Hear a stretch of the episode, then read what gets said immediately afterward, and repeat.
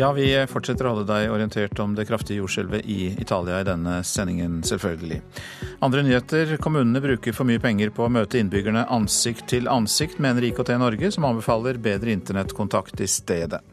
Nord-Korea har for første gang sendt en rakett inn i Japans luftforsvarssone, ifølge den japanske statsministeren. Og vi skal høre at legene får mer å gjøre med de nye fraværsreglene i videregående skole. Lukk døra for innbyggerne, sier datanæringens interesseorganisasjon IKT Norge til kommunene. De mener for mye penger blir brukt på å møte innbyggerne ansikt til ansikt. Lag heller bedre løsninger på internett, sier Heidi Arnesen Austlid, administrerende direktør i IKT Norge. Eh, vi er nødt til å bruke både pisk og gulrot i digitaliseringsarbeidet. Og da er vi nødt til nå å tvinge over til å bli digitale kommuner. Da må vi fysisk stenge dørene, og parallelt med det lage gode innbyggertjenester. For innbyggerne er modne for å betjene seg selv. Mange steder i Norge er det fremdeles lett å besøke kommunens ansatte. Døra står åpen for å diskutere byggesaker, helseutfordringer og andre kommunale oppgaver. Men færre bør jobbe med å møte innbyggerne ansikt til ansikt, mener IKT Norge. I stedet vil de bruke ressursene på bedre og mer effektive tjenester på internett. Samtidig så vet vi at innbyggerne våre er veldig modne for å betjene seg selv er ganske mange der ute som har behov for å se folk ansikt til ansikt. Hvordan skal man på en måte komme over den bøyen? Ved å digitalisere eh, så vil også innbyggerne få en langt bedre service eh, fra kommunene. I tillegg til det så vil man frigjøre folk til å utføre de oppgavene som krever menneskelige møter.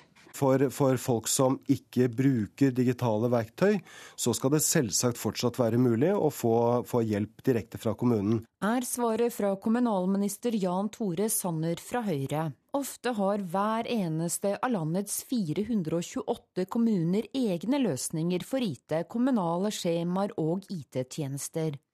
Det anslås at kommunene alene bruker 40-50 milliarder kroner på IT, ikke alle får like mye ut av hver krone. Og kommunene selv innrømmer at de har for dårlig kunnskap om teknologi, viser rapporten Rambøll har laget for IKT Norge. Vi ser at kommunene ikke klarer denne jobben alene, og de er desperate etter å få god statlig hjelp. Dere ønsker å pirke litt borti den kommunale selvråderetten. Kan du forklare det litt?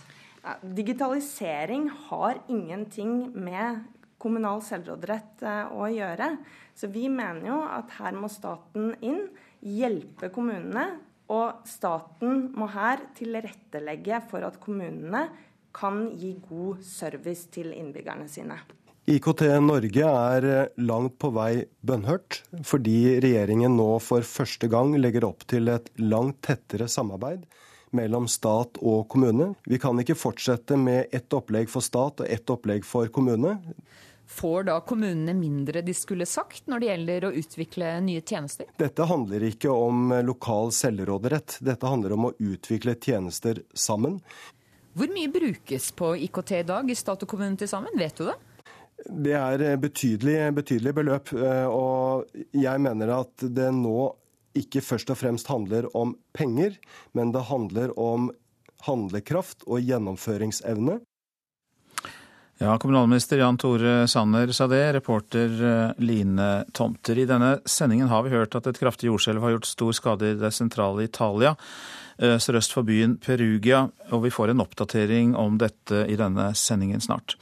Nå om en rakett fra Nord-Korea som eh, ble skutt opp i natt norsk tid. Det var en ballistisk rakett fra en ubåt og er beskrevet som den mest vellykkede testen av en ubåtoppskyting så langt. Og raketten landet i Japanhavet uten at noen kom til skade, men eh, oppskytingen øker jo spenningen på Koreahalvøya. Og Asia-korrespondent Peter Svaar, hvorfor gjennomfører Nord-Korea denne oppskytingen?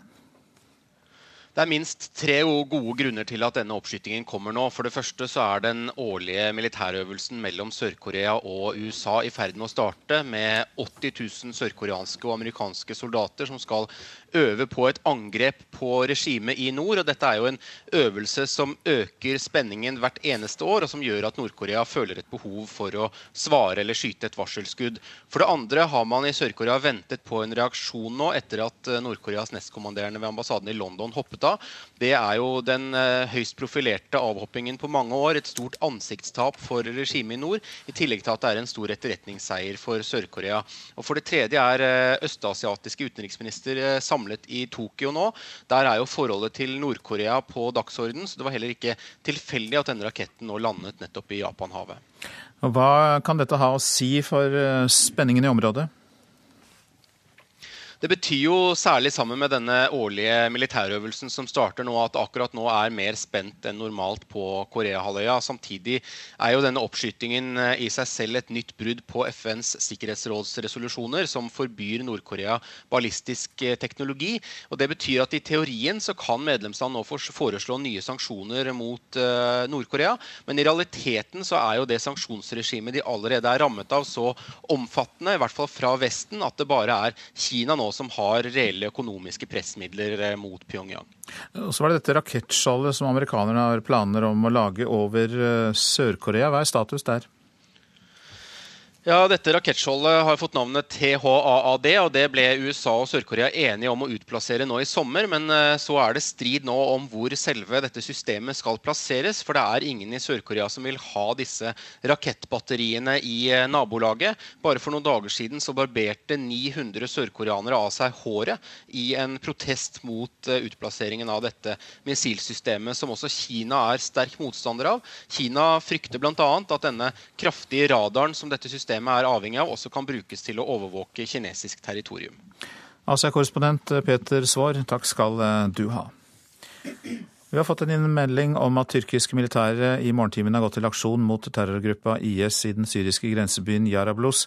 Tyrkia har slått til med kampfly, har bombet 63 ulike mål. Det er kilder i luftvåpenet som sier det til nyhetsbyrået Reuters. Det siste året har vi sett stadig flere eksempler på at barn er blitt brukt som våpen i krigføring. Det mener eh, både forskere og organisasjonen Redd Barna. Tove Wagn, god morgen. Du er generalsekretær i Redd Barna. Eh, vi har jo hørt om barn som er blitt sendt inn i folkemengder med eksplosiver festet til kroppen. Eh, har dere registrert flere tilfeller av det? Altså det er en helt klar økning. Eh, Unicef ga ut en rapport eh, tidligere i år som beskrev Nigeria og omliggende land, hvor de sier at fra 2014 til 2015 så hadde det gått opp fra 4 til 44. Eh, og det sies at hver femte som blir brukt som selvmordsbomber, da, er, er barn, og det er overraskende mange jenter. Du nevnte Nigeria og land i det området. Hvor er det verst? Hvilke andre land foregår dette? Altså Det foregår jo særlig en del sentralafrikanske land, Nigeria og der hvor du har Boko Haram aktiv. Og så har du selvfølgelig de områdene i eh, Syria og omliggende land hvor ISIL er eh, aktive. Eh, og det er jo sånn at dette er barn som blir hvor det blir festet eksplosiver til deres kropp, og de blir satt inn i en handling som de ikke selv har styring på, og som også tar deres eget liv. Det er vanskelig for oss å forstå det, men hva ønsker da terroristene å oppnå ved å gjøre så grufulle ting? Altså Det vi ser er en eskalering i bruk av barn i taktisk krigføring. En ting er at de blir eh, festet eksplosiver til og brukt som våpen. Vi ser at barn blir brukt som skjold. Vi ser at eh, barn helt ned i seksårsalder blir torturert. Eh, både for å skremme foreldrene, men også for å få ut informasjon. Og vi har jo hørt i årtier om massekidnappinger og massevoldtekter.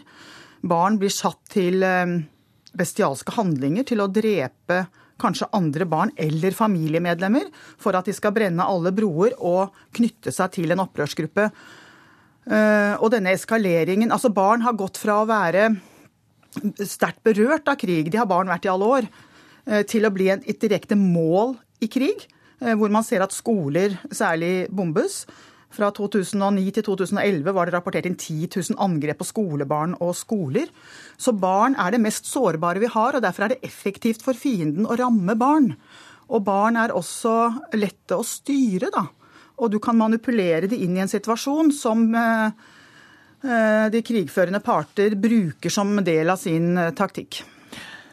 Du rapporterer om noe som er veldig destruktivt. Går det an å tenke seg muligheter, praktiske løsninger for å gjøre noe med det? Altså For det første så kan vi ikke akseptere, jeg vil ikke være del av den generasjonen som aksepterer at denne spiralen bare går oppover og oppover, og barn brukes på verst eh, tenkelig vis. Vi må jo bruke de mekanismene som vi har, og styrke de. For det første må vi hjelpe familier og barn i krig, at de kan beskytte sine egne barn. Vi må hjelpe barn som er, på alene eh, på flukt. Og så må vi bruke de internasjonale mekanismene og styrke de. FNs spesialrapportør for barn i krig og konflikt må få en sterkere stemme, og vi må lytte. Og så kan man jo tenke seg at f.eks. FNs fredsbevarende styrke får et mandat til å trygge barns situasjon der hvor de er, og så må de holdes ansvarlig.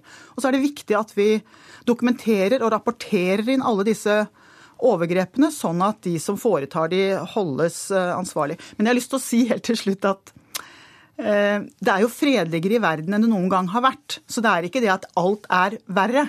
Men vi ser at det vokser fram en krigstaktikk hvor de mest sårbare barna og stadig yngre barn utsettes for de groveste eh, overgrep du kan tenke deg. Det er blitt bedre mange steder, men veldig ille for noen. Vi konkluderer med det. Og takk for at du kom, eh, Tove Wang, generalsekretær i eh, Redd Barna. Så er det på tide å si noe om det avisen har. Reitan Convenience får kritikk fra en tidligere kjøpmann i Adresseavisen. Nina Pevik Hammer Lote drev Narvesen-kiosk i Malvik og forteller om en knallhard hverdag. Andre kjøpmenn forteller om høy franchiseavgift, påtvungne varer, feilregistrering av svinn, enorm arbeidsinnsats. Men lite lønn. Kommunikasjonssjef Ida Håvik Reitan i Reitan Convenience sier selskapet mener at de har en god modell, og at kjøpmennene tjener gode penger. Streng asylpolitikk dratt ut i parodien. Det er jusprofessor Jan Fridtjof Bernts kommentar i Dagsavisen til at paret Shokira og Nasrullah skal sendes tilbake til Afghanistan. De frykter å bli steinet der fordi deres kjærlighetsforhold har skapt en dyp konflikt mellom deres to familier. Studenter fikk husleiesjokk, forteller Bergens Tidende. Leiligheten de fire flyttet inn i kostet 16 000 kroner i måneden, men etter tre måneder ble leia satt opp med 40 da de protesterte, måtte de flytte ut fordi eiendomsselskapet sa de selv skulle disponere leiligheten. Denne leien økte for mye og for tidlig, sier advokat i Leieboerforeningen. Siste militærbase mellom Bergen og Oslo skal fjernes, får vi vite i Aftenposten. Regjeringen satser på moderne høyteknologisk forsvar, og da ryker Heimevernets base på Setnesmoen på Nordvestlandet.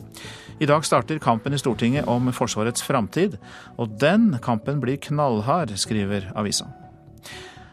Den, eh, de ansatte i den norske delen av Boston Consulting Group fikk så stor lønnsvekst at konsulentselskapet gikk med underskudd i fjor, kan vi lese i Dagens Næringsliv.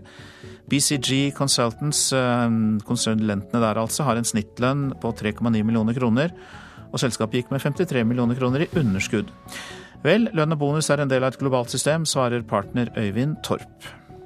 Når politiet ikke når fram, må vi stoppe forbryterne med vannslange. Det sier brannsjef i Høyanger Bjørn Rønning til Klassekampen.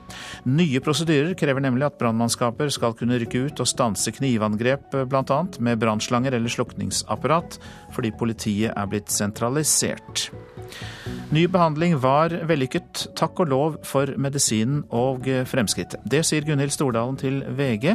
Hun har gjennomgått eksperimentell stamcellebehandling i Nederland for en bindevevssykdom. Vi har i denne sendingen hørt at uh, sju mennesker eh, fryktes omkommet etter jordskjelvet i det sentrale Italia i natt. Det meldes om kollapsede bygninger, folk som fortsatt sitter fast i ruinene. Tom Ingebrigtsen, du har fulgt med på dette for oss og vet mer om det. Ja, skjelvet med en styrke på 6,2 det rammet sentrale deler av Italia klokka halv fire i natt. Byene Akomoli og Amatrice i provinsen Rieti, rundt 13 mil nordøst for Roma, skal være de hardest eh, rammede. Ordføreren i Amatrice sier til det statlige fjernsynet Rai at alle veier inn til byen er ødelagt, og at halve byen er borte. Det skal være mennesker under ruinene, og en bro står i fare for å kollapse. Vi trenger hjelp straks, sier ordføreren. Forteller at strømmen er borte, og at de trenger utstyr for å få fjernet eh, bygningsrestene. To av de døde skal være et eldre ektepar som bodde i Pescara del Tronto like ved Akomoli. Eh, I tillegg fryktes bl.a. en familie på fire å være omkommet under eh, et ødelagt hus. Sivilforsvaret i Italia sier de har fått inn mange rapporter om ødeleggelser, og de vil sende helikopter over området så snart det blir lyst. Skjelvet ble merket så langt unna som i Roma. Men dette er ikke første gang eh, Italia rammes av jordskjelv? Nei, i 2009 så mistet over 300 mennesker livet da et skjelv med styrke på 6,3 rammet eh, sentralt i landet. Og i 2012 så omkom 23 mennesker i to skjelv med ti dagers mellomrom i Nord-Italia. Og det det er altså de skjelvene som har vært i, i de siste årene. Takk skal eh, du ha. Dette er eh, Nyhetsmorgen. Klokka den eh, nærmer seg 6.49, og vi har altså hørt at minst sju mennesker er omkommet i det kraftige jordskjelvet som har gjort stor skade i det sentrale Italia, sørøst for byen Perugia. Nord-Korea har for første gang sendt en ballistisk rakett inn i Japans luftforsvarssone. Det sier den japanske statsministeren Shinzo Abe. Og vi har hørt at IKT Norge mener kommunene bruker for mye penger på å møte innbyggerne ansikt til ansikt. Lag heller bedre løsninger på internett, sier Heidi Arnesen Austli, administrerende direktør i IKT Norge. Det kan bli mye å gjøre for legene med den nye fraværsordningen for den videregående skolen. Strengere fravær krever at elevene må komme med bedre dokumentasjon når de er borte fra skolen. Eh, forrige uke syns jeg ikke det var så eh, mange henvendelser, men eh, denne uka her har det vært eskalert. Da har det vært en tre-fire hver dag. I dag har det vært enda flere, faktisk, som har ringt opp imot fem-seks. Det sier legesekretær Kristine Røgeberg. Fra juni fastslo Kunnskapsdepartementet at all fravær på videregående skoler skal dokumenteres med legeattest for å få gyldig fravær. Nå merker legekontorene en økt pågang av elever som ønsker legeattest. Jeg tror det kommer til å bli verre hvis det ikke blir gjort noen noe forandring på akkurat det der. Fordi eh, det tar opp timene bl.a. til folk som er syke, og som trenger eh, de timene, istedenfor at folk kan heller levere en egenerklæring, sånn som det var tidligere. Fastlege Tom Ole Øren er redd dette skal medføre unødvendig bruk av tid på pasienter som ikke behøver medisinsk behandling. Han frykter at det kan bli lengre ventelister for de som har behov for hjelp. Vi har altså kommet til en situasjon hvor vi skal dokumentere fravær, selv om fraværet ikke nødvendigvis er noen medisinske tilstander som vi skal gi behandling for. Men vi skal dokumentere at de har vært borte fra skolen pga. en eller annen sykdom. Rektor på Nøtterøy videregående skole, Anita Eikeland Larsen, mener at regelverket for videregående elever er strengt. Det er, det er nytt, og det er faktisk strengere enn det arbeidslivet krever. I arbeidslivet så holder det å ha en egen erklæring de første, de første dagene. Øren sier at Legeforeningen kommer til å følge dette videre, og at de har vært kritiske til den nye innføringen. Alle pasienter skal inn til konsultasjon for å få legeattest, og det ønsker han å fortsette med for å gjøre en grundig jobb. Men tross lovendring og ekstra dokumentarbeid for leger, vil han ikke si at han kaster bort tid på pasienter. Jeg, jeg syns det er litt sånn drøyt å si at vi kaster bort tiden, for det gjør vi jo ikke. Men, men jeg syns jo det er litt uheldig at vi skal, som jeg begynte med, dokumentere medisinske tilstander som ikke hadde ført at de kommer hit. Men pga. en lovendring så må de dokumentere på en helt annen måte enn før. Og reporter her, det var Dina Sofie Tornes Espeseth. Fagene sløyd, tekstil og kunst mangler lærere med fagutdanning. Det er bare halvparten av elevene i dagens skole som har eh, faglærere i disse fagene. Det vil kunne svekke innovasjon og kreative næringer, mener bl.a. Norges forskningsråd. Kan jeg lete etter en kasse her? Liv Klakegg Dalin fyker fra rom til rom på Høgskolen i Oslo og Akershus. Vi leter etter en kasse med ting og produkter som elevene har hatt med seg hjem fra skolen etter at de har jobba i kunst- og håndverkstimene. Hun er studieleder ved lærerutdanningen for estetiske fag, ett av to gjenværende steder man kan utdanne seg til å bli kunst- og håndverkslærer, et yrke som blir stadig mindre populært. Tallene da som er fra Statistisk sentralbyrå viser jo egentlig at 44% av de som underviser i faget kunst og håndverk, ikke har fordypning i det faget. Vi ser at studentene våre kommer og har aldri tredd en tråd i en symaskin, eller de kan ikke å strikke, eller at du kan ikke behandle en sag. Og da er det heller ikke så mye de kan lære bort til elevene sine, sier Dalin. Her, vet du. Dette er kanskje den som jeg syns er verst. Da har denne læreren, som egentlig ikke har noe fagkompetanse i kunst og håndverk, har trukket frem og brukt det den hadde, og det er da kaffefilter som man dypper i maling og setter på en klesklype, og da kan man lage en sommerfugl det blir mye søppel. Jeg tror dette er en felle som vi på en måte har gått i alle sammen. At vi har ikke tenkt over at sløyd og håndverksfag var viktige fag. Sier Dag Oppen Berntsen, som har jobbet med innovasjon i næringslivet siden 90-tallet. I dag er han regionansvarlig for Norges forskningsråds innovasjonsdivisjon i Telemark. Han mener lærernes manglende kompetanse innen kunst og håndverk kan få alvorlige konsekvenser for Norge som innovasjonsland i fremtiden. Det man må forstå er at det er en sammenheng mellom håndverk og det å drive med innovasjon på teknologisk høyt nivå. Hva tenker du da om at det mangler såpass mange faglærte kunst- og håndverkslærere i grunnskolen? Det syns jeg er veldig trist. Poenget her er jo, det er jo den prosessforståelsen som du tilegner deg, som er viktig. Den er jo linka til innovasjon på teknologisk høyt nivå. F.eks. det vi gjør i, Nordsjøen er jo ofte gjort av folk med en yrkesfaglig bakgrunn, Det er toppet med en eller annen ingeniørutdannelse. I dag er det så få som 50 lærerstudenter som tar utdanning innen kunst- og håndverksfag ved de to linjene som fremdeles eksisterer i Norge.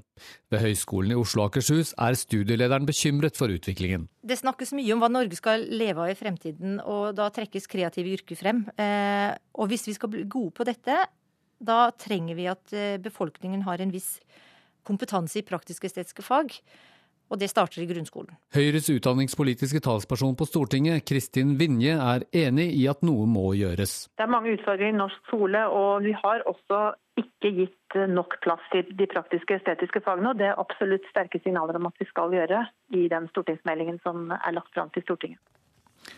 Reporter eh, var Peter Sommer.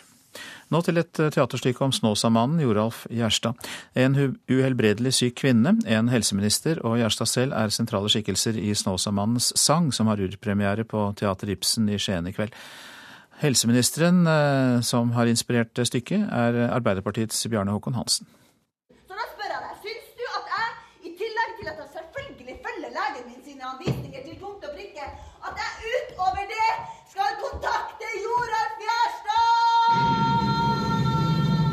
Skal den alvorlig syke kvinnen søke hjelp hos Snåsamannen Joralf Gjerstad?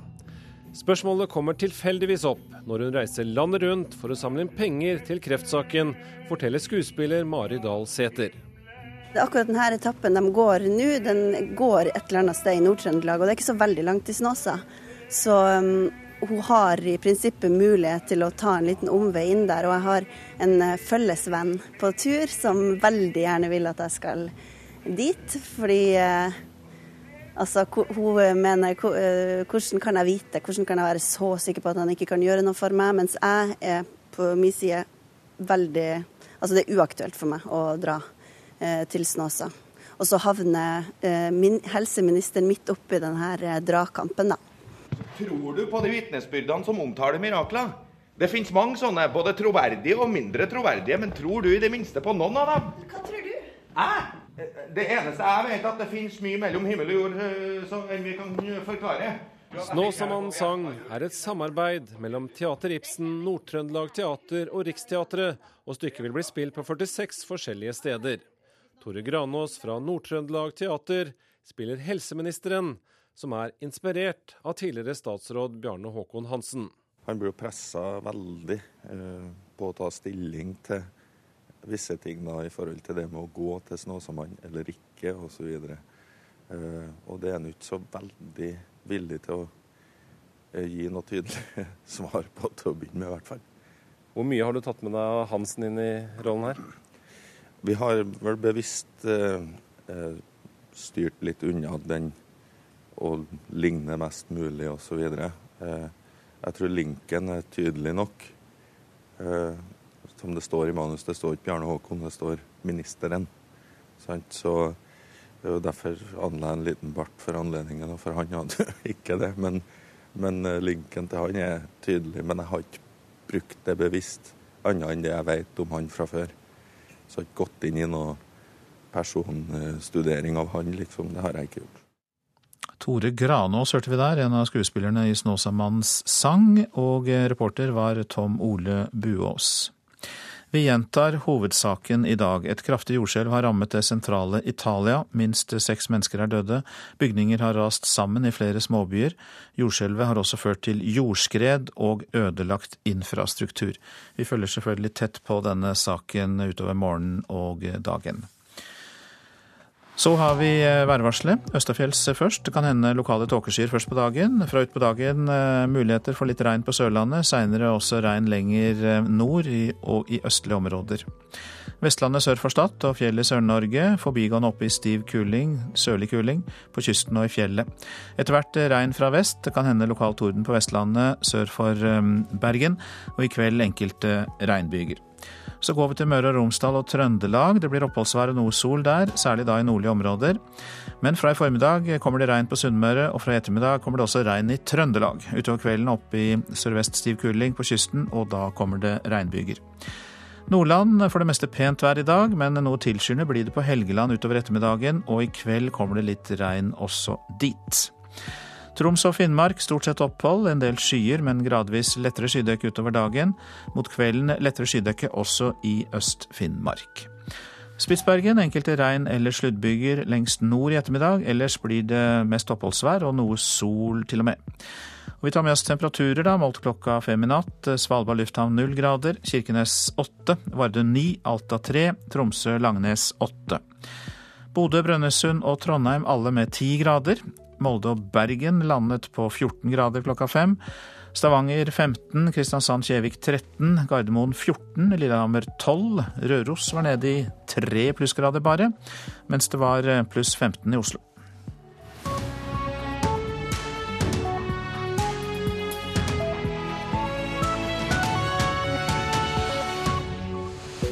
Her i Nyhetsmorgen holder vi deg oppdatert om det kraftige jordskjelvet i det sentrale Italia, som vi hørte om i Dagsnytt. Det har vært en økning i familievoldssaker i Stavanger etter at krisen i oljeindustrien startet. Det melder krisesenteret i byen.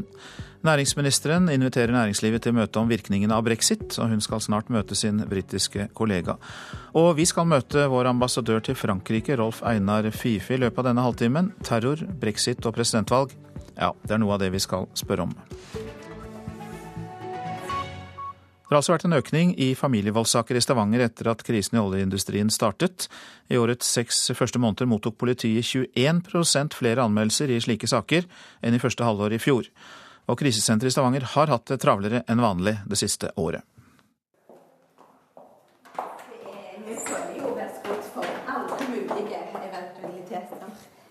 Krisesenteret i Stavanger hører til på en hemmelig adresse i byen. På utstyrslageret i kjelleren finner virksomhetsleder Monica Welde Visted det aller mest nødvendige utstyr en kan ha behov for dersom en f.eks. har rømt fra en voldelig ektemann og trenger beskyttelse. For bleier og morsmelkerstatning og eh, babymat og eh, bind og tamponger og tannkoster og sjampo, balsam og og nødmat. Oljenedturen har ført til økt press på mange familier i Rogaland, og flere har hatt behov for hjelp fra krisesenteret. Det er jo sånn for alle at eh, hvis du har en vanskelig situasjon, og så blir den forsterka av noe, f.eks. det å miste jobben, eh, så blir det uholdbart. Eh, og noen har kanskje overlevd fordi de har vært ifra hverandre i store deler. De har ja, vært offshore eller de har hatt mange reisedøgn, og så har det gjort at de overlever. Vi ser jo det samme i ferien òg, at når folk må tilbringe veldig mye tid sammen, hvis de har konfliktfylte forhold, så, så, blir det veldig vanskelig. Og det blir det jo nå òg. Og så ser vi jo at en del eh, mestrer ikke det å få så mye dårligere økonomisk spillerom. Sånn at hvis de da hadde problemer i utgangspunktet, så blir de òg veldig store, eh, f.eks. ved arbeidsledighet. Sier Visted. 2015 var et rekordår for familievoldssaker i Sør-Vest politidistrikt, med over 500 saker. Mye tyder på at 2016 vil bli et nytt rekordår. Hvis man sammenligner første halvår eh, med tilsvarende periode i fjor, så har det nå økt med ytterligere 21% Sier politioverbetjent Kjell Vignes. I flere år har det vært et mål for politiet å få opp antall anmeldte familievoldssaker, i håp om å få ned mørketallene. Og nå de siste fem-seks årene så har vi hatt eh, ca. 50 fellende dommer hvert år. Dvs. Si, eh, ca. én dom per uke. Og det vil jo òg gi en eh, senke terskelen for at det nytter å, å ta kontakt med politiet. Og, og eh, man ser da at eh, skyld blir fordelt der skyld hører hjemme. Krisesenteret forventet at oljekrisen ville føre til at flere hadde behov for hjelp. De var forberedt på noen av utfordringene oljekrisen kunne forårsake, men ikke alle. Særlig det med at de faktisk ikke har råd til å gå ifra hverandre i forhold til at husprisene har Eller det er vanskelig å få selge hus. Det var vi jo ikke forberedt på. og Det har vi jo òg hatt ganske mange av. Sånn at det, vi var vel ikke forberedt på at det skulle være altså, såpass store tall. Mange føler seg fanget i et voldelig ekteskap, men ser ingen utvei. Og Da er det veldig viktig å få fram at det stort sett finnes løsninger. Vi må gjerne gå noen runder med bank og med advokat og med altså andre hjelpeinstanser, men vi finner alltid en løsning. Du skal ikke måtte bo med noen og være utsatt for vold. Og eh, det var eh, virksomhetsleder ved krisesenteret i Stavanger, Monica Welde Visted, som sa det. Reporter eh, Ingvild Lygren. Tove Smådal, god morgen. God morgen. Du er daglig leder i Krisesentersekretariatet. og Hvor vanlig er det at menn blir voldelige når de mister jobben? Ja, altså, det forbauser meg jo egentlig eh, litt, men samtidig eh, så har vi jo erfaring fra f.eks. Eh, da gummivarefabrikken i Askim ble lagt ned. Eh, men det er 25 år siden. Eh, og da sa vi at nå kommer flere kvinner til krisesenteret om to-tre måneder. Men det gikk ikke mer enn tre uker før de første kom. Fordi at for mange menn er det å være forsørger nært knytta opp mot maskulinitet. Og det å være eh, hovedforsørger eh, og ha lønnet arbeid er jo en del av menns identitet. Eh, så veldig mange begynner jo da, og det viser jo også forskning, at menn takler ofte dårligere det å bli arbeidsledig. Og det som skjer da over tid, det er at konfliktnivået øker.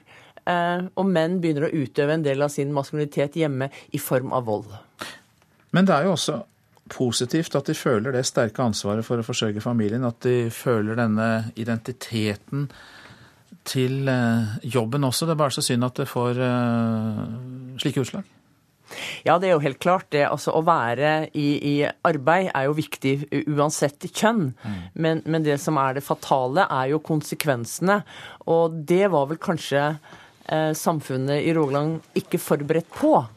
Eh, når eh, det blir så stor arbeidsledighet at det også medfører store kriser i familien, og at noen da begynner å utøve vold. Du var innom at det er forskjeller på kvinner og menn her. Hvordan de håndterer det å miste jobben og gå inn i kriser? Ja, det viser jo all, all forskning. At, eh, og det har vel kanskje noe med det gamle kjønnsrollemønsteret. At kvinner var hjemmearbeidende og Eh, er mye mer aktiv, eh, mens menn eh, som var hovedforsørger, og hans identitet var knyttet til det, takler derfor dårlig. Selv om det forbauser meg at vi ikke er kommet lenger, for i dag så jobber jo majoriteten av kvinnene òg. Men det viser hvor kort vi er kommet i forhold til likestilling. Ja, Så kjønnsrollen har ikke endret seg så mye likevel? Nei, det kan synes mm. som om de ikke har gjort det, selv om vi ser at menn tar mer omsorg for barn, eh, gjør mer husarbeid, så er den identiteten eh, knyttet veldig opp eh, mot det å være en arbeidskar. Og tap av arbeid eh, og bli utestengt fra arbeidslivet gjør eh, at de blir mer frustrerte. Hvordan kan vi hjelpe arbeidskaren? Ja, Det er jo et stort spørsmål. Eh, for det første så eh, må han jo ta et, et, ansvar selv. Eh, og vi vet jo hvor vanskelig det kan være da å komme seg ut i arbeid. Og så bør kanskje Nav og tidligere arbeidsgiver ha kunnskap og forståelse for det perspektivet at dette kan skje. Fordi det rammer jo kvinner, det rammer barn, det rammer hele familien. Og som en sa som hadde jobba på, på Askim Gummi, at jeg har mista alt. Jeg har mista jobben, jeg har mista kona, jeg har mista hjemmet. Livet går til helvete. Og, og det er jo eh, ikke et samfunn verdig at vi skal få slike tilstander. Det får vi prøve å forebygge. Takk skal du ha, Tove Smådal, for disse ord fra deg, daglig leder i Krisesentersekretariatet. Ja, Vi har hørt i denne sendingen at minst seks mennesker har mistet livet i det kraftige jordskjelvet i det sentrale Italia. Utenriksmedarbeider Wenche Eriksen, du har sett nærmere på dette. Hva er det siste du har? Det siste er at man nå graver med spader og det man har eh, lokalt for å forsøke å komme fram til folk som er begravd i ruinene i disse landsbyene og tettstedene og byene eh, sentralt i Italia hvor jordskjelvet slo til eh, i halv fire-tida i natt, altså mens folk sov. Mange veier er ødelagt inn til disse byene, slik at man ikke foreløpig har klart å få fram redningsmannskaper. Man trenger trenger tungt maskineri, og statsministeren i Italia sier at det er på vei, men det spørs hvor langt lang tid det vil ta før dette kommer fram, slik at eh, folk selv og, og lokale myndigheter gjør nå det de kan uh, for å, å, finne fram til folk. Ellers så er, har folk selvfølgelig rømt fra husene sine uh, i panikk. Folk uh, sitter i gatene i disse landsbyene. Eh, disse stedene, eh, jordskjelvområdet, er i et område som ikke er så veldig tett befolket, men det er snakk om en del eh, steder som er veldig hardt rammet. Bl.a. byene Amatrice og Acumoli i Umbria-regionen. Dette jordskjelvet slo til der, altså midt i Italia. sånn 17, kilometer, 17 mil fra nordøst for Roma var selve senteret for skjelvet. Eh, vi har hørt om jordskjelv i Italia før. Er dette et utsatt område? Det har vært en rekke jordskjelv, og det ligger ikke så veldig langt fra Lakilas. Og det eh, var vel flere hundre mennesker som døde i 2009. 300 mennesker. Eh, så ja, dette er et område hvor man har opplevd en del jordskjelv. Man har da erfaring med det, men når noe sånt skjer midt på natta, og når det er veier er ødelagt og bruer raser sammen og sånn, så er det vanskelig å få fram eh, redningsmannskaper. Det er helt klart. Um, folk forteller om altså en, en Ordføreren i Amatishi, sier hele byen er borte, sier han. Eh, så det er en svært dramatisk situasjon i, i dette området.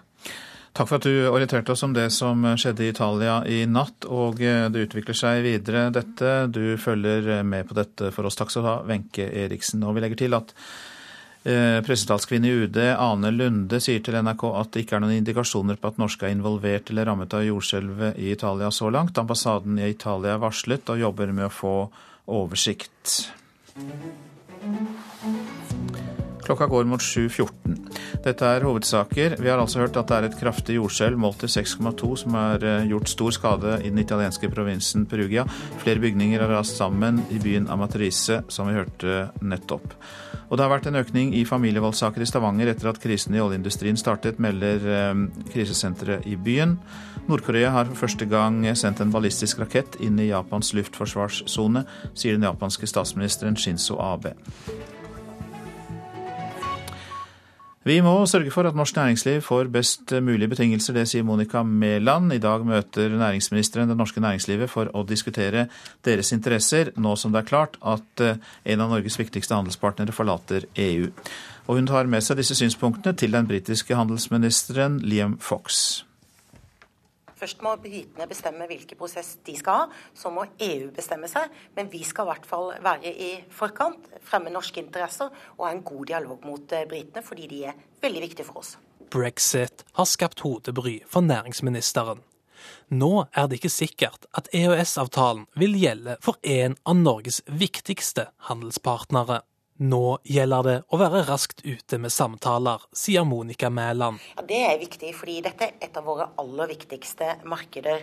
Eh, og når vi nå vet at britene har besluttet å gå ut av EU, så må vi sørge for at eh, norsk næringsliv får best mulig betingelser. Nå drar hun til Storbritannia med det norske næringslivs bekymringer for å møte handelsminister Lime Fox. Men om det skal diskuteres handelsavtaler med øynasjonen, vil næringsministeren ikke si. Ja, det er jo slik at uh, Lime Fox skal ha ansvaret for å fremforhandle nye handelsavtaler på vegne av Storbritannia. Og når dette nå er en av våre aller viktigste handelspartnere, ja, så er det viktig at vi får i gang en god dialog, fremmer norske interesser. Uh, det er slik at for norsk olje- og gasseksport, for sjømatindustri, for tjenesteproduksjon, det er òg over 200 norske bedrifter som er etablert i Storbritannia Storbritannia, og det jobber mange nordmenn der. Storbritannia er en av Norges viktigste handelspartnere som en følge av stor eksport av olje og gass. Den annonserte EU-exiten skapte uro i næringslivet, Men det er ingen grunn til panikk. Ja, det er jo slik at Når en viktig handelspartner nå har meldt at de skal ut av EU, så betyr det det får konsekvenser for vår EØS-avtale. Norske interesser er jo nå godt sikret i lang tid fremover, men vi trenger noe til erstatning for EØS-avtalen slik den i dag er er eh, mot Storbritannia. Eh, og vi skal ha en god dialog og gjøre et grundig arbeid for å sørge for at eh, norsk næringsliv får de best mulige betingelsene mot Storbritannia. Dette er jo en veldig spennende tid, og jeg tror at jo fortere vi kan få en samtale med britene, jo fortere kan vi også få vite hva britene tenker, hvilke beslutninger de tar knyttet til brexit. Ja, det var eh, handelsminister Monica Mæland og reportere Ola Solheim og eh, Åse-Marit eh, Befring. Og korrespondent Espen Aas i London. Ja, vår næringsminister skal jo møte Liam Fox, legen som meldte overgang til politikken. Fortell mer om ham. Ja, eh, Liam Fox er jo blitt nå en eh, veldig mektig og ikke minst viktig minister i den nye regjeringen. Statsminister Theresa May utnevnte ham da til internasjonal handelsminister, som det heter. En post og et departement som eh, ikke fantes før EU-avstemningen, men som nå er ett av tre viktige departementer, sammen med det såkalte Brexit-departementet og Utenriksdepartementet. Han er en ihuga EU-motstander og var en av dem som også stilte som lederkandidat mot uh, Theresa May i sommer, uten at uh, han kom så altfor langt. Han stilte for øvrig også i ledervalg tilbake i 2005, og tapte da mot uh, David Cameron. Han er en erfaren politiker med flere ministerposter bak seg. Var også minister under John Major på 90-tallet, og var også en kort periode forsvarsminister under David Cameron, men måtte gå av pga. en liten skandale med påstander om at han hadde eh, brutt eh, en del sikkerhetsregler, men har eh, hele tiden vært svært profilert da på nei-siden, og har da nå kommet inn i regjering. Ja, Han konkurrerte jo da mot Theresa May om statsministerjobben, fikk den altså ikke. Hvordan er relasjonen mellom de to, da? Ja, De har jo veldig forskjellige oppfatninger av EU, eh, e og det viser seg også at de har litt forskjellige oppfatninger om hvordan denne prosessen nå skal gå. og Derfor var det også en eh, aldri så liten overraskelse da han ble utnevnt, sammen med eh, Boris Johnson, som da ble utenriksminister. Fox står mye lenger til høyre enn både Johnson og May, og har vært ivrig på å sette i gang denne prosessen. og Han sa også kjapt at Storbritannia burde raskt forlate EUs tollunion for å lettere kunne handle med andre land utenfor EU, men da rykket eh, Downing Street nummer ti ut og sa at det var det ingen eh, avgjørelse på eh, ennå. Og når det gjelder selve EU-saken som sådan, så har han kranglet allerede flere ganger med kollega Boris Johnson om eh, hvem som skal ha hvilke ressurser fra det gamle utenriksdepartementet. Liam Fox har vært opptatt av å eh, få bygget opp sitt departement eh, raskt. Ja, da skal Fox og Mæland møtes, da, og ser britene for seg et tettere samarbeid med Norge etter brexit? Ja, Det er i hvert fall mange muligheter som nå ligger eh, åpne. Nå er jo ikke Norge i seg selv eh, en superviktig nasjon for britene å handle med, utover det som er der i dag, som handler da særlig om gass. Storbritannia er jo en storimportør av eh, norsk gass. Men det som jo er interessant å snakke om, er jo EFTA, altså den europeiske frihandelsorganisasjonen, som jo ikke består av så mange land i dag. Norge, Island, Liechtenstein og Sveits. Storbritannia var jo medlem der selv før de ble EU-medlemmer, eller EF-medlemmer, da, på, på 70-tallet. Og her har jo Norge sagt litt forskjellige ting. EU-statsråd Elisabeth Aspaker sa til Aftenposten i sommer at det kanskje ikke var noen god idé å få inn et så stort land som Storbritannia i EFTA, fordi at det vil skifte på den maktbalansen eh, som er der. Så det er vel ikke mulig at EFTA kan bli ett av eh, flere temaer når de møtes her i London 12.9. Takk skal du ha, korrespondent eh, Espen Aas. Og du holder fast i et beslektet tema Lillas Ullesvik i Politisk kvarter, for fiskeriene er kanskje den næringen som blir mest berørt av at britene skal ut av EU? Ja, i alle fall i tillegg til olje og gass. Eh, for ni av ti britiske fiskere stemte for brexit. Nå har de store forventninger om å få en større del av kvotene og markedet. Men eh, da må jo noen få mindre, f.eks. norske fiskere. Fiskeriminister Per Sandberg kommer til oss, og han skal òg møte SV i en debatt om lakseoppdrett. Sandberg er en evig optimist på vegne av næringa, og han tror på økt vekst. Galskap, svarer SV, som viser til at problemene med lakselus langt fra er løst. Politisk kvarter, altså. Da kan du få høre det. Og ved siden av deg, Lilla Sølesvik, så sitter Rolf Einar Fife. God morgen til deg. God morgen.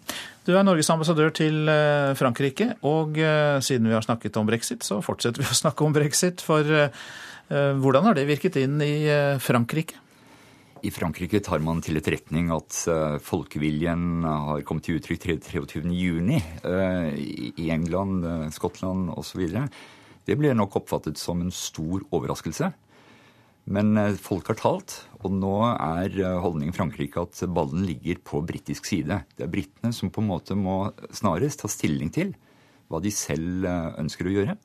De må da først utløse en bestemt bestemmelse i EU, EUs traktat, artikkel 50. Og deretter er det en kalender som begynner. Det er omfattende spørsmål som berøres. Men det som ligger fast, det er det sikkerhetspolitiske samarbeidet. Det er et omfattende sikkerhetspolitisk arbeid innenfor rammen av Nato, men også bilateralt mellom Frankrike og Storbritannia. Men er det en anelse av en forskjell i den tyske og franske holdningen til brexit? Nei, Det kan jo selvfølgelig være uh, nyanser i utgangspunktet, men uh, holdningen er at EU skal utvikle sine egne posisjoner så snart som mulig, men er svært avhengig av hva britene faktisk ber om. Altså, det er ikke sånn at Tyskerne er meget bekymret for at britene går ut, mens franskmennene er glad for å bli kvitt dem? Nei, jeg tror eh, den absolutt kritiske masse i både i politiske miljøer og folkeopinionen i Frankrike er at man eh, mener at eh, det var svært uheldig at britene forlot EU. Fransk politikk det er også spennende. Senere i dag gir Frankrikes tidligere president Nicolas Sarkozy ut boka to to på La France, alt for Frankrike, der han kunngjør at han offisielt stiller som kandidat til presidentvalget neste år. Han vil ha fire nye år.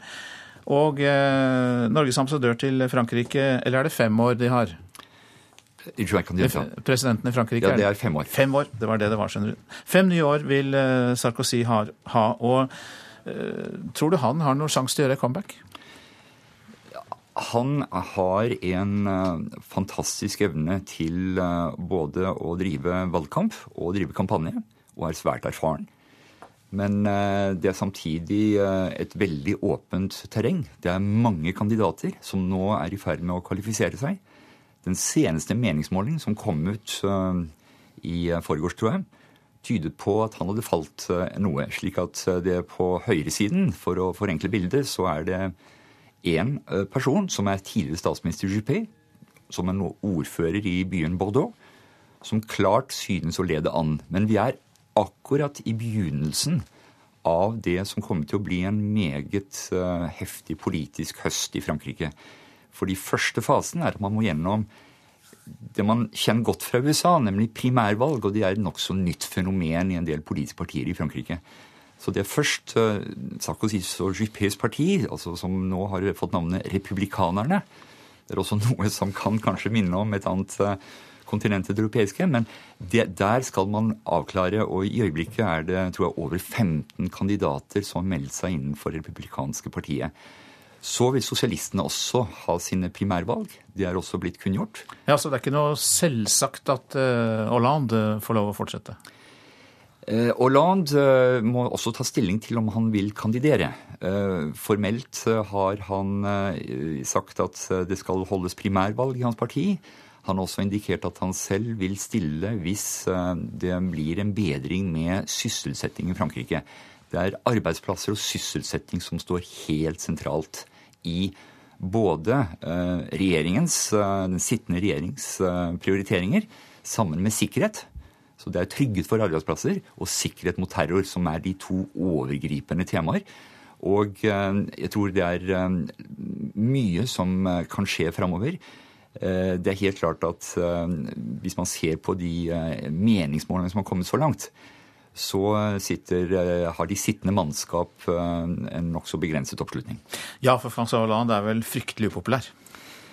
Han har kommet seg noe opp, men på landsbasis viste de seneste meningsmålingene 18 og så har vi jo da en person vi ikke må glemme i denne sammenhengen. Eh, Front Nationals leder, eh, Nasjonal Front altså, Marine Le Pen, som garantert stiller opp i dette presidentvalget. Det er sikkert. Og der eh, viser opinionsmålingen en grad av nokså stabil oppslutning om henne. Kan hun vinne, da, til slutt? Det jeg tror en veldig god pekepinn er hva som skjedde med regionvalgene i slutten av fjoråret. Mm.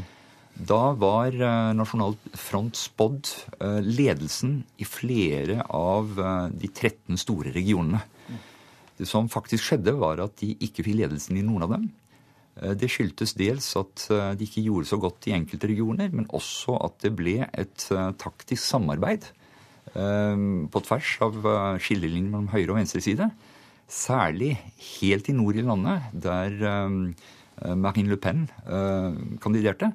Og helt i sør i landet, sørøst i landet, der ehm, barnebarnet til Jean-Marie Le Pen, altså niesen til Marie Le Pen, var en viktig kandidat. Og de fikk altså ikke ledelsen der heller.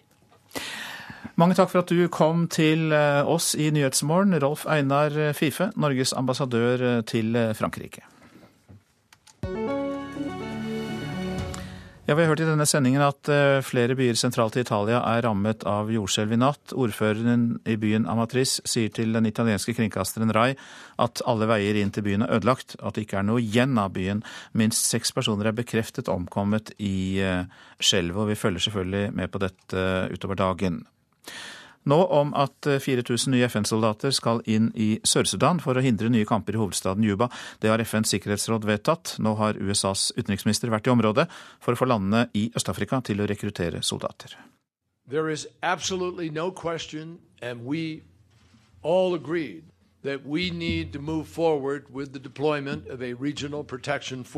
Vi er enige om å sende inn 4000 nye FN-soldater, sa John Kerry på pressekonferansen i Kenyas hovedstad Nairobi rett etter møtet med regionens utenriksministre. Men det er ikke alle som tror at dette blir noe av. Det er tvilsomt om det lar seg gjennomføre, så lenge myndighetene i landet har sagt at enhver økning av FN-bidraget, selv regionale styrker, vil bli ansett som en invasjon og vil bekjempes. Per Persson er landansvarlig for Sør-Sudan i Norsk Folkehjelp. Organisasjonen har vært i landet i 30 år. Men etter at presidenten og visepresidentens soldater igjen begynte å drepe både hverandre og uskyldige sivile i sommer, stengte Norsk Folkehjelp kontoret for første gang i historien, om enn bare i én uke. Situasjonen er mer enn fortvilet, nå også i hovedstaden Juba, sier Persson. Du har hyperinflasjon, du har eh, lite mat på markedet, og du har en by som er, hvor, det er ganske mange både soldater og kanskje militsstyrker, tungt bevæpna, som ikke får lønn og kanskje ikke får noe mat sjøl, som eh, gjør byen veldig utrygg. FN har allerede 13 000 soldater og politifolk i Sør-Sudan. Mange tviler på at 4000 flere vil gjøre den store forskjellen. Og dette innslaget var laget av Afrikakorrespondent eh, Sverre Tom Radøy. Du lytter til eh, Nyhetsmorgen. Produsent er Vidar Eidhammer. Her i studio Øystein Heggen. Skal eh, lakseoppdretten vokse inn i himmelen? Det er et av spørsmålene som stilles i Politisk kvarter. Der møter FrPs fiskeriminister Per Sandberg SVs Torgeir Knag Fylkesnes.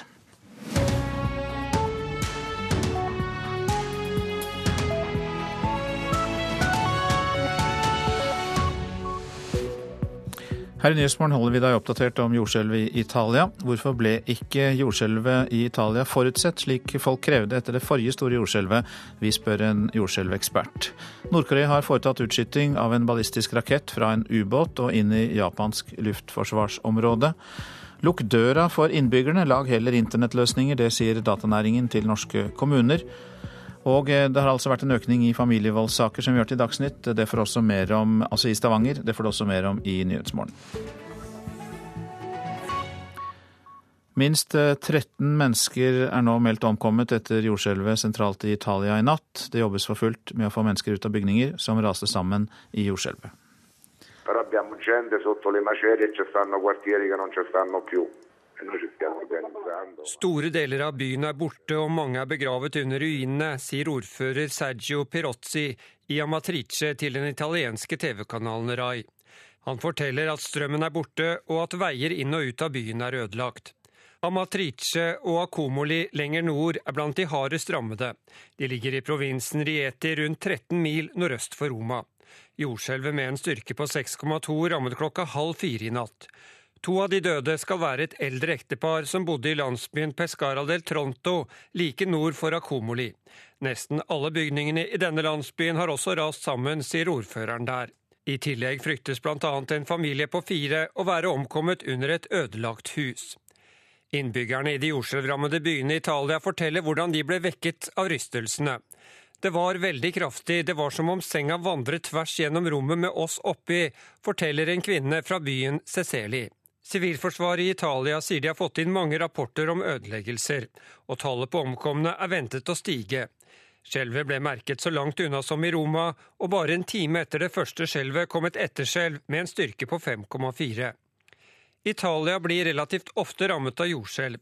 I 2009 mistet over 300 mennesker livet da et skjelv med en styrke på 6,3 rammet sentralt i landet og i 2012 omkom 23 mennesker i to skjelv med ti dagers mellomrom i Nord-Italia.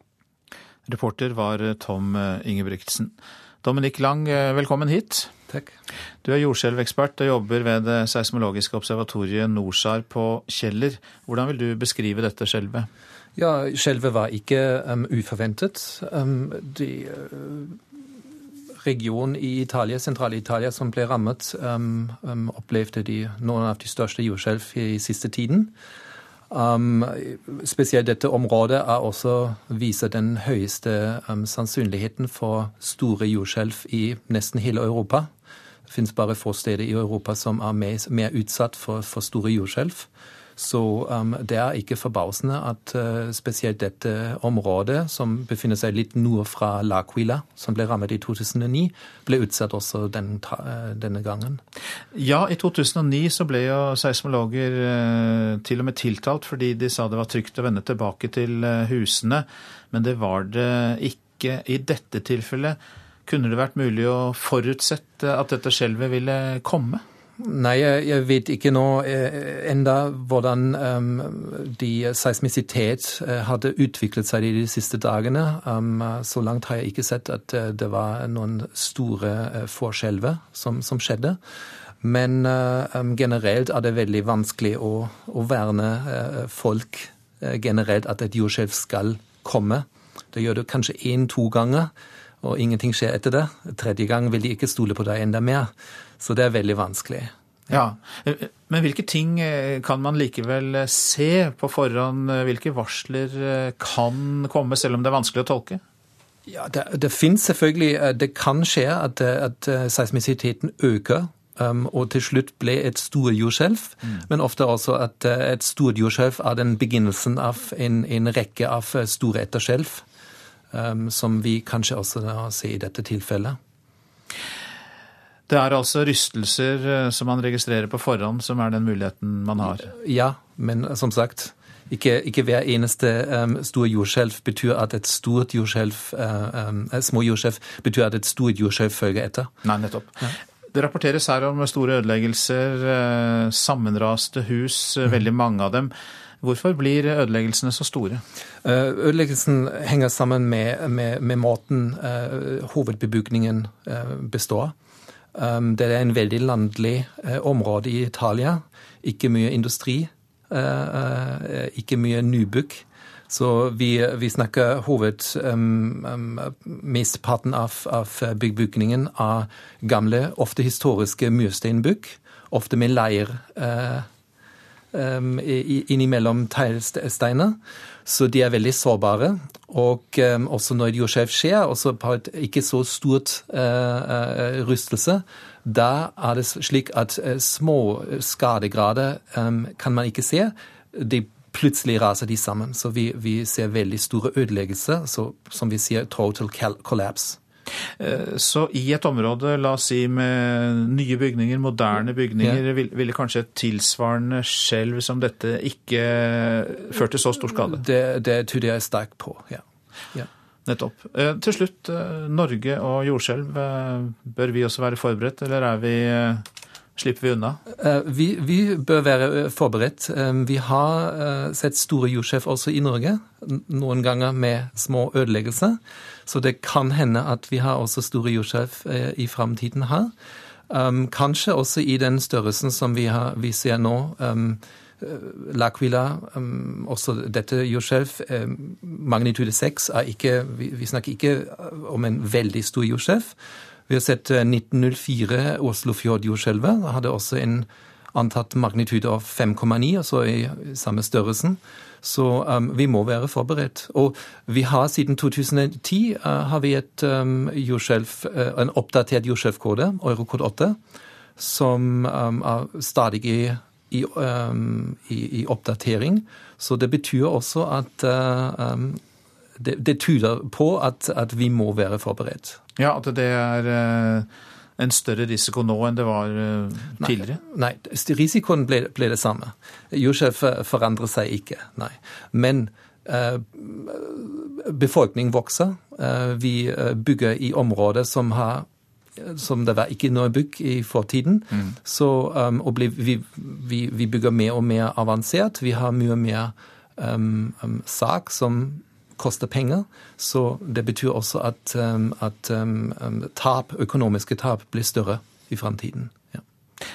ja. til slutt. Uh, hvor i Norge er uh, mulighetene eller risikoen størst for et uh, jordskjelv? Ja, vi, når, du, når, du, kikker på vår jordskjelvsoneringskart, er det selvfølgelig Vestlandet som er mest utsatt for, for, for, for jordskjelv, hvor vi har også største sannsynligheter for store rystelser, og spesielt også selvfølgelig Svalbard.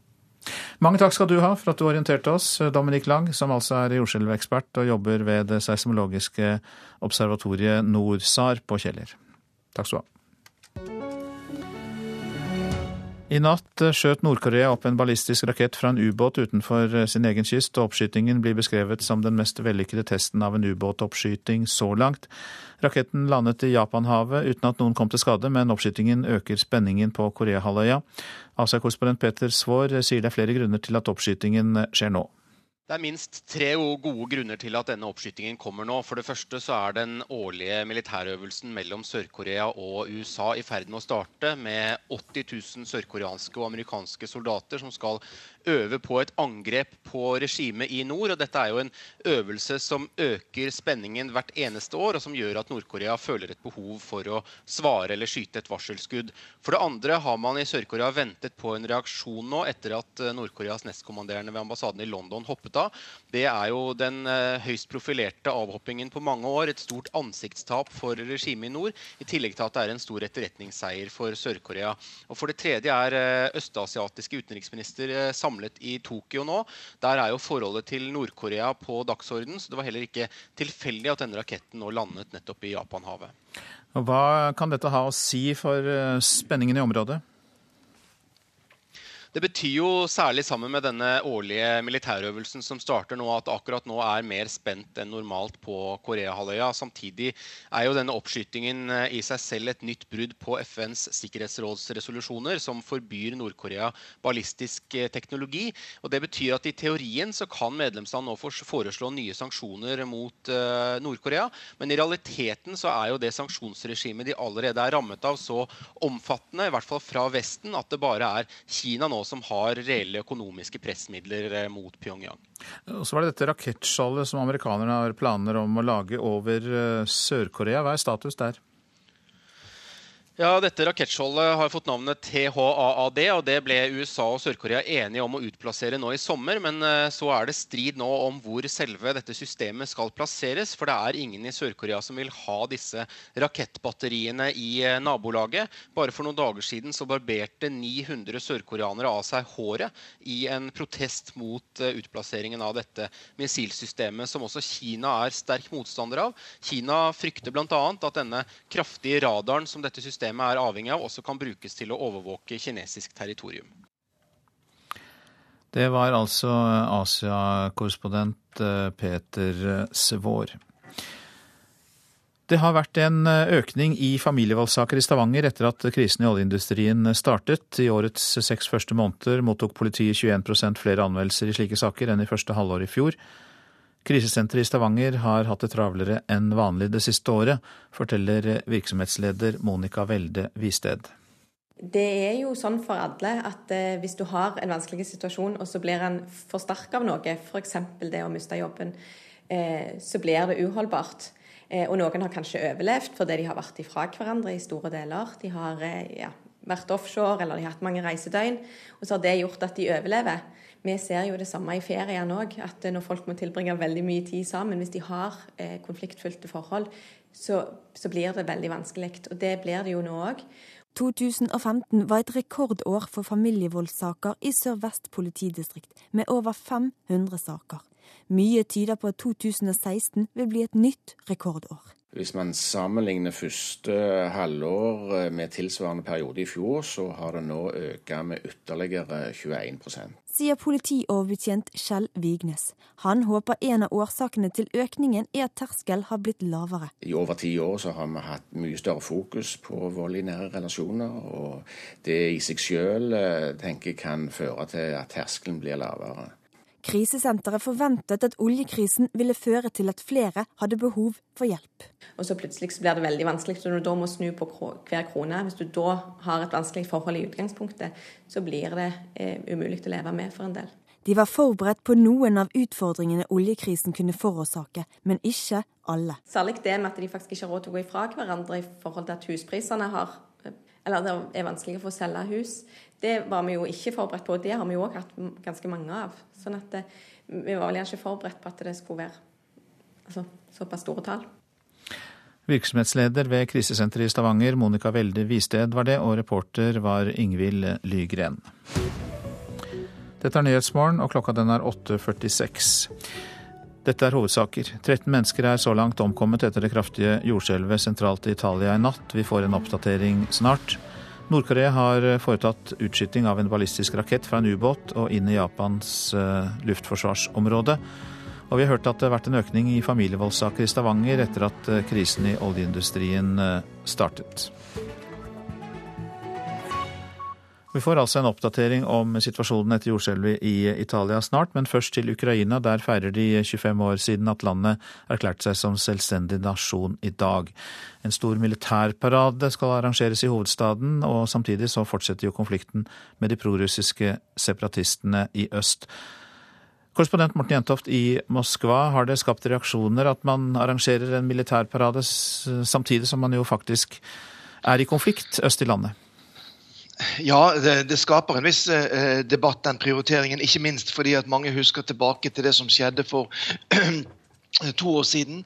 Eh, da ble det også arrangert en militærparade eh, med framvisning av utstyr i eh, Kiev, samtidig som kampene da var på det hardeste øst i landet. Eh, på én dag så ble jo nesten 400 ukrainske soldater drept i dette slaget om Ilovaisk, da regulære russiske styrker gikk inn i, konflikten og man omringet ukrainske styrker. Og Da vakte det reaksjoner at man prioriterte da å marsjere i gatene i Kiev istedenfor istedenfor å delta da i, i, i, krigen i øst. Eh, nå er jo situasjonen en viss annen nå, men likevel så vekker det visse følelser igjen. da At man prioriterer å vise fram i Kiev istedenfor på en måte å være til stede eh, øst i landet. Hvilken type strid og trefninger er det da langs denne våpenhvilelinjen øst i Ukraina? Ja, Jeg sjekket eh, situasjonen nå i morgentimene. og det ukrainske forsvaret kan fortelle at bare i løpet av det siste døgnet så har det vært 48 forskjellige skyteepisoder. Blant annet så ble en en bygning til jernbanen i byen Avdijevka, som ligger like ved frontlinjen. Var en by som jeg selv besøkte for et par måneder siden. Den ble truffet, og jernbanetrafikken i den byen er da stoppet opp. Sånn at det, det skytes da med granater over frontlinjen eh, fra begge sider. Og eh, soldater uh, blir jo såret og drept hver eneste dag. Vi må jo heller ikke glemme da at det pågår diplomati også for å hindre at konflikten utvikler seg til det verre. Hva vet du om det arbeidet? Ja, eh, Den russiske presidenten Vladimir Putin han snakket i går på telefonen med den tyske forbundskansleren Angela Merkel og Frankrikes president Francois Hollande. og eh, De uttrykte alle uro da, som de sa da, for det som skjer eh, langs frontlinjen. og Samtidig så ble de enige om å møtes under dette G20-toppmøtet i Kina 4. og 5. september for å drøfte situasjonen i, i Ukraina. og det er jo også et visst liv i denne såkalte Minsk-prosessen, disse forhandlingene som pågår i den hviterussiske hovedstaden Minsk. Men eh, generelt må vi kunne si det at fredsprosessen for arbeidet med å forsøke å få løst denne konflikten, det har i praksis stoppet helt opp nå. Takk skal du ha for den oppdateringen, eh, korrespondent Morten Jentoft.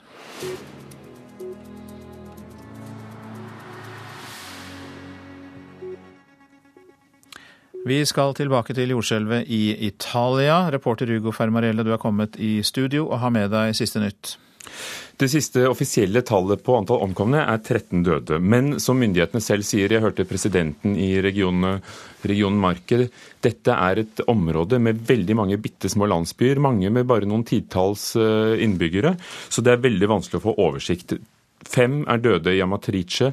De eh, jobber hardt for å redde livet til et barn. I byen Akomoli, også nær sentrum for jordskjelvet, så er det funnet et, eh, et, barn som er omkommet. Foreldrene ligger under bygningsmassene. Sånn er situasjonen. Rai viser nå bilder direkte fra hovedgaten i Amatrice. Der eh, står klokketårnet igjen. Nesten alle de flotte, gamle, flere hundre år gamle bygningene er rast sammen. Klokken er stoppet på 3.36. Det var da jordskjelvet slo til, 6,0 på Richters skala. Og det er jo like sterkt, nesten like sterkt som det som eh, rammet byen L'Aquila 50 km lenger sør i 2009. Men det er en by med langt flere innbyggere. I Amatrice er det 2700 innbyggere registrert. Det som er spesielt, er at dette er småbyer hvor de fleste som kommer derfra, bor og jobber i Roma, men fordi august er den store feriemåneden i Italia, er det mange flere folk enn vanlig. Jeg snakket med en nordmann som bor ca. 100 km, ja, nesten vest for eh, Amatrice, nord i Lazio. Dette området er altså nord i Lazio, som er hovedstadsregionen, mot eh, Umbria og mot Marke. Det er der det ofte skjer jordskjelv. Stein Finstad, pensjonert norsk press, bor i byen Moniane Inteverina, og han forteller hvordan han merket skjelvet midt på natten. Jeg hadde sovnet, så sov ganske dypt og, og, merker at plutselig hele huset vugger frem og tilbake. Akkurat som du sto og skjøv på det frem og tilbake. Det var ikke en rystelse sånn som på en måte uh, uregulert bevegelse, men det var en sånn frem og tilbake-bevegelse. Så liksom hele Jeg ligger jo oppe i åssiden på en, et stort hus som er sten og sement, og ligger på en stor plattform. og og det var liksom som hele huset ble skjøvet frem og tilbake, sånn sakte frem og tilbake på denne plattformen da. Og jeg, jeg, jeg ligger inntil et vindu, så jeg liksom lukket opp vinduet for å høre om det var folk. Hva, for jeg skjønte da at det var et jordskjelv. Men jeg var ikke redd. Det var en ganske merkelig opplevelse. Jeg hadde ikke noe trang til å gå ut eller noen ting. Jeg bare lå stille der i, med vinduet oppe. Og, og, der kunne jeg strengt tatt ha hoppet ut altså, av vinduet. Det var ikke noe vanskelig. Så, så jeg stoppet det. Så ble man liggende ganske lenge og vente, for det jeg tenkte det kommer kanskje et etterskjelv, og det skjedde. Eh, da har jeg akkurat klart å sovne igjen, og så kommer det på nytt. Ja, Det sa Stein Finstad, den pensjonerte presten du snakket med, Ugo Fermariello, som altså da bor et stykke fra dette området, litt vest for det.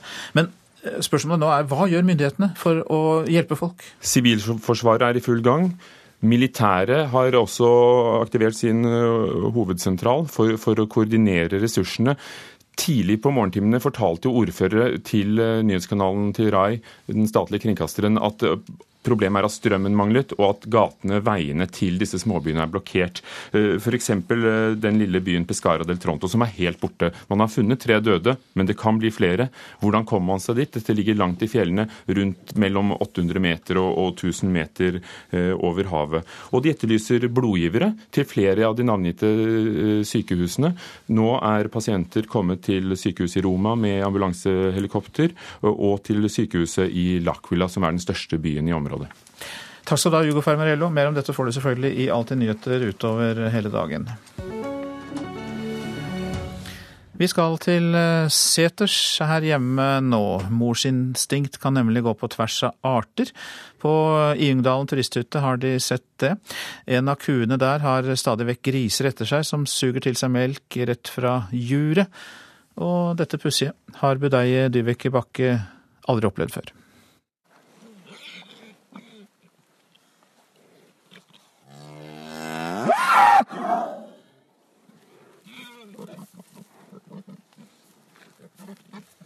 På Jungsdalen turisthytte i Skarvheimen har de både kyr og griser. I sommer har det skjedd et fenomen som ingen på turisthytta har opplevd før. Ei av kyrne har rett og slett forelska seg i et par av grisene. Og grisene går med kua hele dagen og syger henne rett fra juret. Budeie Dyveke Bakke er ikke sikker på at hun liker det som skjer. Det er ikke noe moro. Hun blir helt tom. Hun, skal, hun er jo drektig, hun skal jo kalve. Og jeg skal jo egentlig avlate hun. Og hvis vi driver og mjølker og suger, så får jeg ikke tømt og blir hun ikke tom for mjølk. Men eh, turistene som kjørte turisthytta, de syns det er moro?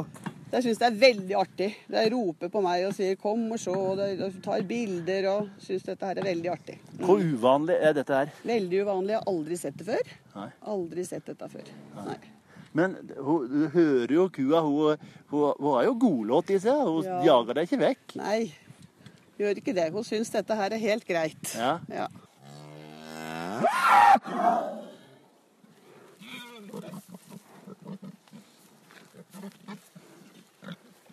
Budeie Dyveke Bakke prøver å analysere den merkelige oppførselen mellom grisene og den svarte kua.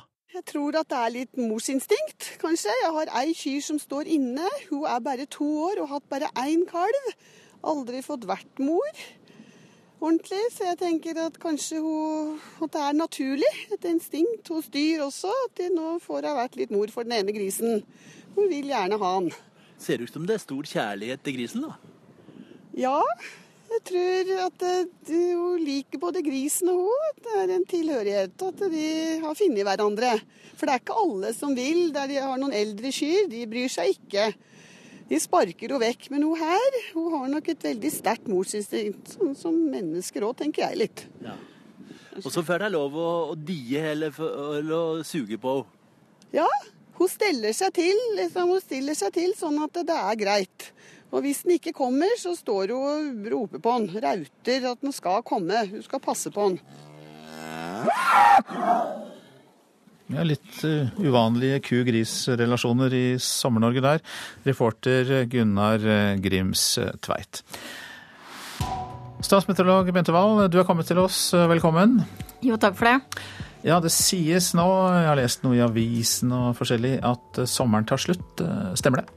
Eh, det stemmer, Sommeren kommer til å ta slutt, for når vi nærmer oss høsten, så det gjør den alltid. Men eh, vi får i hvert fall litt sommervarme noen dager til i Sør-Norge, da, selv om været kanskje ikke er eh, helt eh, ille. Og så blir det litt sol, i hvert fall andre steder i landet.